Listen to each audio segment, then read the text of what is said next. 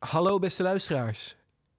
Een kleine disclaimer voor we gaan beginnen met deze nieuwe podcast. Want ik denk dat een paar luisteraars nu al denken... Hmm, zouden we het niet over payment gaan hebben? Want ik zie iets anders in de titel staan. En dat klopt. We hadden dat inderdaad gepland om dat uh, de eerstvolgende podcast te laten zijn. En die zou eigenlijk ook een week geleden uitkomen.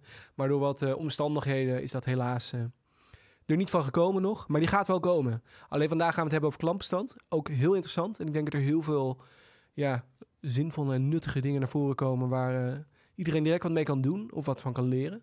Dus ik zou zeggen, blijf vooral luisteren, kijken. Um, en dan zien we elkaar over twee weken, of jullie horen mij, weer terug voor de podcast over payment. Geniet ervan. Hallo beste luisteraars en welkom terug bij weer een nieuwe B2B e-commerce podcast. Vandaag gaan we weer lekker door op onze serie De Anatomie van een B2B webshop. Waarin we de vorige keren meerdere onderwerpen al hebben behandeld. Denk aan de homepage, productpagina, categoriepagina en de checkout. Gaan we vandaag door met klantinformatie. Dat denk je misschien van dat is toch niet vaak direct een pagina. Dat klopt, maar het is vaak wel een cruciaal onderdeel van wat er in een webshop en vooral een B2B webshop naar voren komt. En waarin je heel veel uit kan halen en vooral heel veel op te winnen is. En dat gaan we vandaag bespreken met onze CTO, Robert Gundeken. Leuk dat hij er weer is. Hij was er vorige keer natuurlijk ook hè, voor de checkout. Maar ik denk uh, als er iemand is die ons hier veel over kan vertellen. Want hij adviseert natuurlijk vaak partijen. En het gaat natuurlijk ook over wat complexere zaken. Dan is het Robert wel. Door lange intro denk ik. Laten we maar gewoon gelijk beginnen.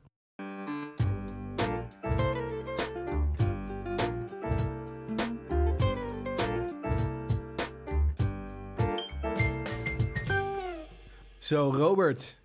Daar zijn we. Ik heb bijna met de intro bijna het hele verhaal al verteld. Ja, ik kan weer naar huis. ja. Nou, je mag nog even blijven nee, zitten. Hoor, maar we hebben genoeg te spreken. Te ja, dat denk ik ook wel. Uh, want uh, ja, ik noemde het net al. Ik ga er even vanuit dat de mensen die uh, net op play hebben geklikt... nu denken van klantinformatie. Dat is toch helemaal niet zo boeiend? Misschien op het eerste oog. Kan jij mij vertellen, waarom is klantinformatie eigenlijk juist wel cruciaal voor een webshop?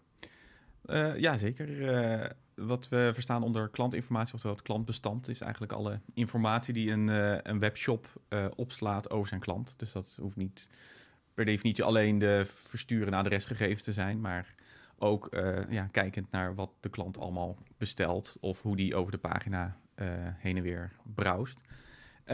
en daar, ja, daar is dus heel veel informatie uit te halen. ja, als een meteen een concreet voorbeeld is bijvoorbeeld herhaalbestellingen. Dus als een klant terugkomt, je weet al hij is er al een keer op je webshop geweest. Dus je kan ja, goed kijken naar welke paden die heeft gevolgd of wat hij heeft, eerder heeft besteld. En daar uh, conclusies uit trekken. Ik kom misschien straks wel even terug op uh, wat uh, dan uitgebreidere voorbeelden, wat je daar dan mee kan doen. ja, misschien een klein tipje van de... Van... Nou ja, wat we bijvoorbeeld wel kunnen zien, als je klanten, een klantenbestand hebt en je hebt ook gekoppeld met andere systemen, dat je bijvoorbeeld kan kijken naar specifieke prijzen voor bepaalde klantgroepen. Okay. Of voor klanten die, ja, die je graag wil die bij jou bestellen en niet bij de concurrent, dat je die dan extra korting geeft. En op het moment dat een klant is ingelogd, dan heb jij dus, weet je wie het is en kan je dus daarop inspelen door uh, ja, hogere kortingen te geven.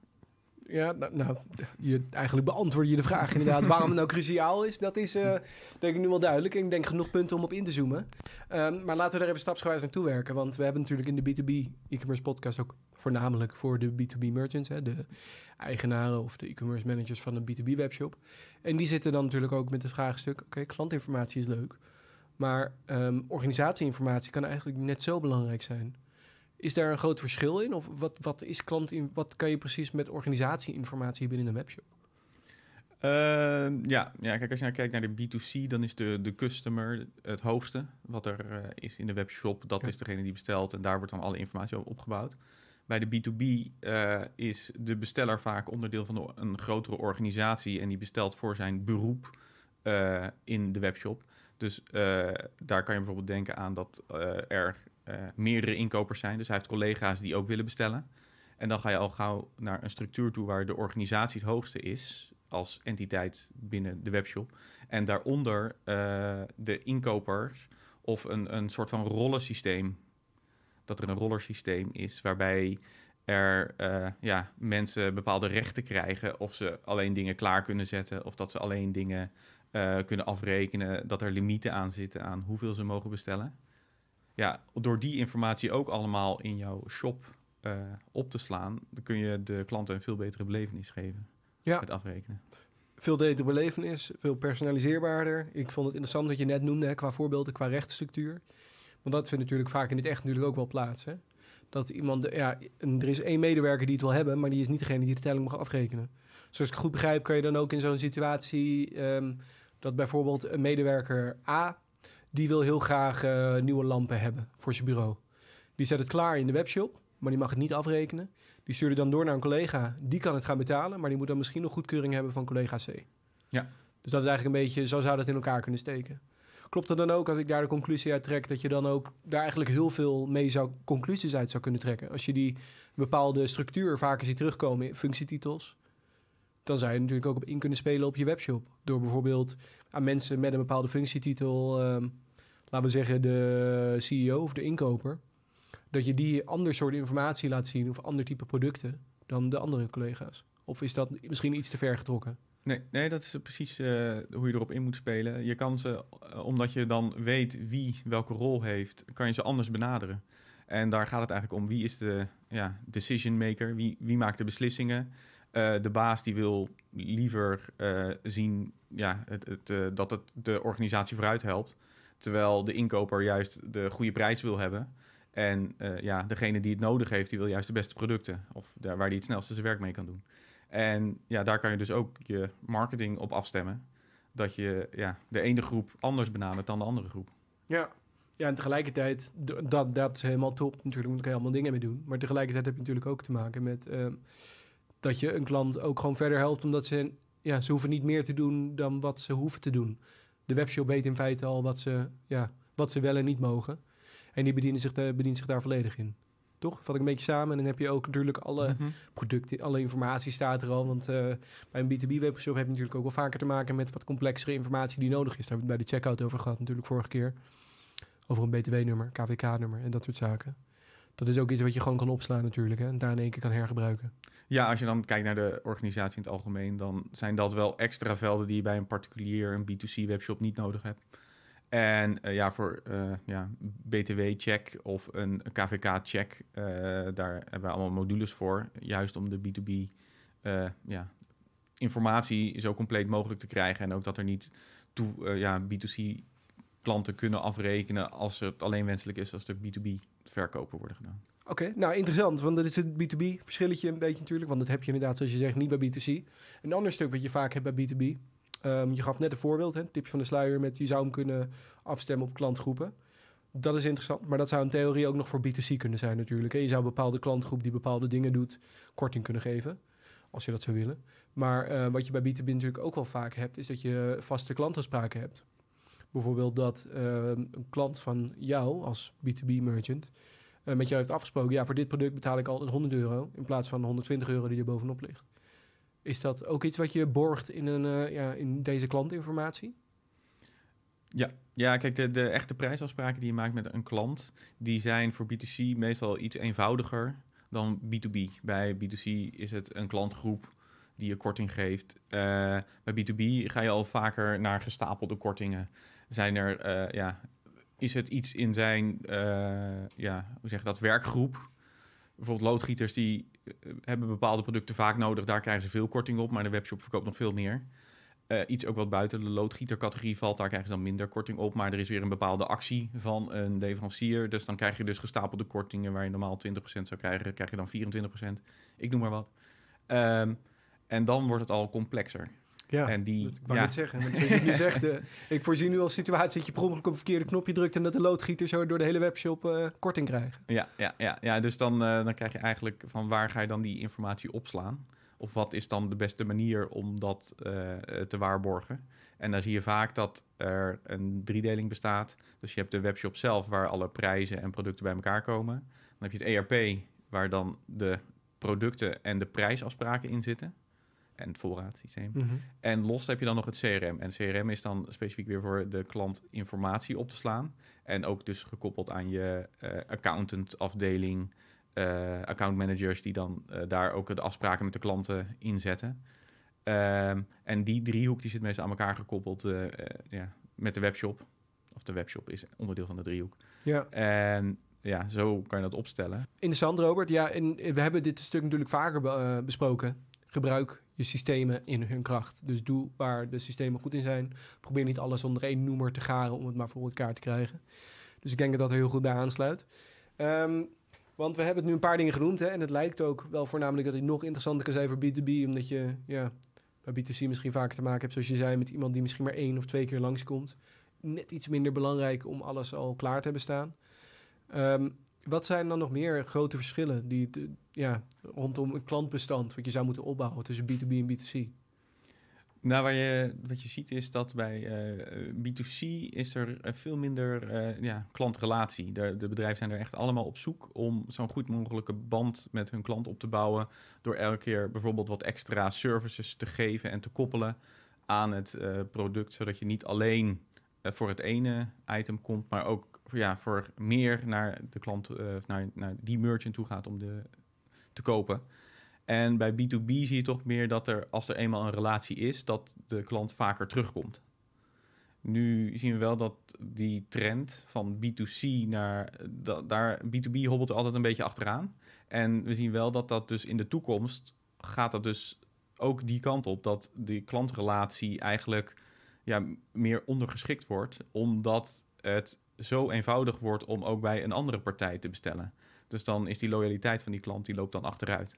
Ja. En dan ja, kan je dus ook weer kijken naar wat ze bij B2C doen. Eh, hoe zorg je nou dat je wel je klant houdt en je klantrelatie eh, ja, zo goed maakt dat ze eigenlijk niet willen gaan kijken naar andere shops. Ja, nee, helder. Ja, daar kan ik me ook wel aan vinden hoor. Want het valt me ook op. Vroeger had je heel vaak dat je gewoon niet de prijzen van een webshop kon zien van B2B. Dat ze die verstopten achter een login. Maar je ziet inderdaad nu steeds vaker eh, dat je het ook gewoon kan inzien en kan vergelijken. Ja, dat klopt. En je kan altijd bellen. Dus overal offertes aanvragen, dat, dat die knop zie je ook overal terugkomen. Ja. Zeker eh, als je ze belt, dan is er altijd wat te regelen, want dat ja, is die markt gewend. En ja, je ziet dus ook dat ze eh, ja, graag klanten van elkaar overnemen. Dat, Maar dat is overal natuurlijk. ja, nee, dat Ja. is overal. Dus maar bij, ja, waar eerst de, de, de inkoper eh, zo snel mogelijk wil inkopen, omdat hij dat voor zijn beroep doet, eh, zie je nu dat hij ook, ja, als hij het ergens anders goedkoper kan krijgen en het is hetzelfde product en het is makkelijk te vergelijken, dat hij dan ook zo switcht. Ja, ja oké. Dus dan is misschien dat stukje waar we het eerder over hadden van B2C komen maar één of twee keer klanten gemiddeld. Misschien maar op je webshop en B2B komen gewoon vaker gewoon terug omdat het is. Dat zie jij langzaamaan ook gewoon gaan vervagen. Ja, ja je ziet die, die, die trend die je bij. Je ziet altijd dat de, de B2C voorloopt op de B2B. En ja, dus dan verwachten dat deze trend ook gaat doorzetten. Zijn er nog andere trends waar je nu aan denkt van B2C, B2B, rondom klanten, wat daarin belangrijk gaat worden? Nou, wat we ook, eh, ja, wat je ook vaak ziet, is eh, dat op dit moment wordt eh, heel veel op subscription, het subscription model ingezet. Zaten al van wat kan je nou van, wat voor informatie zou je nou uit, eh, uit je, je klantdata kunnen halen. En dat, ja, je kan bijvoorbeeld kijken naar wie bestelt er, wat wordt er besteld en met wanneer wordt er een bestelling gedaan. En als jij al weet waarom die bestelling wordt gedaan, dan kan je daarop inspelen. Maar je hebt bijvoorbeeld ook producten die eh, ja, een beperkte houdbaarheid hebben. Of eh, ja, dat je weet gewoon als je inkt verkoopt, praktisch voorbeeld. Dan weet je ja, na vier weken, na acht weken eh, is deze eh, capsule leeg. Eh, dus waarschijnlijk heeft hij dan opnieuw nodig. Dus daar kan je alvast op targeten. Ja, of nog dieper met je klantinformatie. Dat je gewoon trends gaat herkennen. Hoe vaak bestellen ze nou gemiddeld? Ja. En is het dan beter om een week voordat ze normaal gesproken zouden bestellen... ze een mailtje te sturen met korting? Inderdaad, inderdaad. Ja, en dat, dan ga je meer ook naar dat, het big data model toe. Ja. Dat je dus heel veel data gaat verzamelen, anonimiseren en daar conclusies uit gaat trekken. Ja. Eh, om je klanten ja, beter te begrijpen, maar ook beter te kunnen bedienen. Maar wat, waar het eigenlijk naartoe gaat met die herhaalbestellingen, of als je dat eh door hebt dat je zo'n product hebt, dat je dan ook naar het subscription model overstapt. En dat zie je heel veel met de B2C nu gebeuren. En ja, in de toekomst eh, gaat de B2B daar ook naartoe. Interessant. Een subscription model voor B2B. Maar dan vraag ik me wel af van... eh, ja, hoe snel verwacht je dat het gebeurt? En wat ik je wel hoor zeggen... als je die, als je die trends en die analyse wil hebben... toon nogmaals aan, waarom hebben we het hier over? Je klantinformatie en je data moet gewoon sluitend zijn, kloppend zijn en bruikbaar. Ja, Als- de, de kwaliteit van de data, dat staat natuurlijk altijd eh, voorop. En waar je dan, ja, dus eigenlijk als tip meteen is, uh, ga kijken welke informatie je opslaat. Kijk wat er nu mee gebeurt. Wordt dat alleen, uh, worden orders afgerekend en dan is het klaar? Uh, ja, is er iemand die daar zich er al mee bezighoudt om die informatie te verzamelen en te structureren? ja, ga ermee aan de slag. Oké, helder Robert, top, dankjewel. Ik denk dat je ja, een aantal heel interessante punten naar voren zijn gekomen. Ik zal hem even kort samenvatten. Als ik, dan moet je mij maar even aanvullen of ik iets vergeten ben.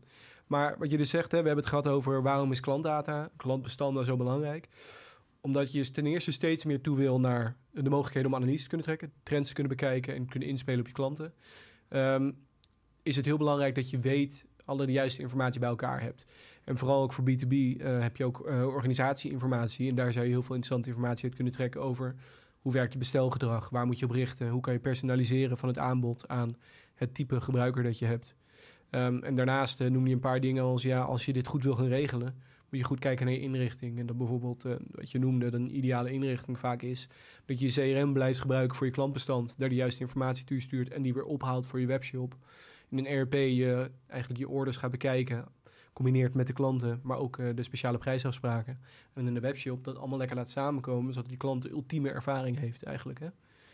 Ja, heb ik daarin nog wat gemist? Of denk je nu van, nu je dit hoort, van oh, dan wil ik dit toch even toevoegen? Nou, wat, wat denk ik wel een belangrijk is, uh, ook ja, voor B2B, is dan uh, uh, ja, bestellen op factuur. Daar komen we misschien ook nog wel in de payment modules op terug. En bij de checkout hebben we dat misschien ook wel even licht aangestipt. Maar dat is nou echt precies informatie die je uit je klantdata kan halen. Hoe betrouwbaar is een klant en hoe betaalt hij op tijd? Als hij betaalt een bedrag open heeft staan, ja, komt dat dan binnen. En ja, daar kan je bijvoorbeeld uh, ja, de krediet omhoog doen op een bepaald moment dat een klant uh, uh, ja, een goede betaler is. Om zo maar te zeggen. Ja. Andere, an, andere kant kan natuurlijk ook op. Maar. Een goede betaler, ja. Nee. nee, ik snap wat je bedoelt, want het is daarin wel belangrijk inderdaad. Je kan niet iedereen zomaar even op factuur laten, laten bestellen. Want ja, je moet wel je geld binnenkrijgen op een gegeven moment. Ja, ja, ja. Ja, oké, okay, helder. Nou, top. Dankjewel nog voor die toelichting. En ik denk daarmee dat we tot het einde zijn gekomen van deze aflevering. Uh, ik hoop dat de luisteraars het interessant vonden. En dan uh, zien we elkaar de volgende keer weer. Ik de camera.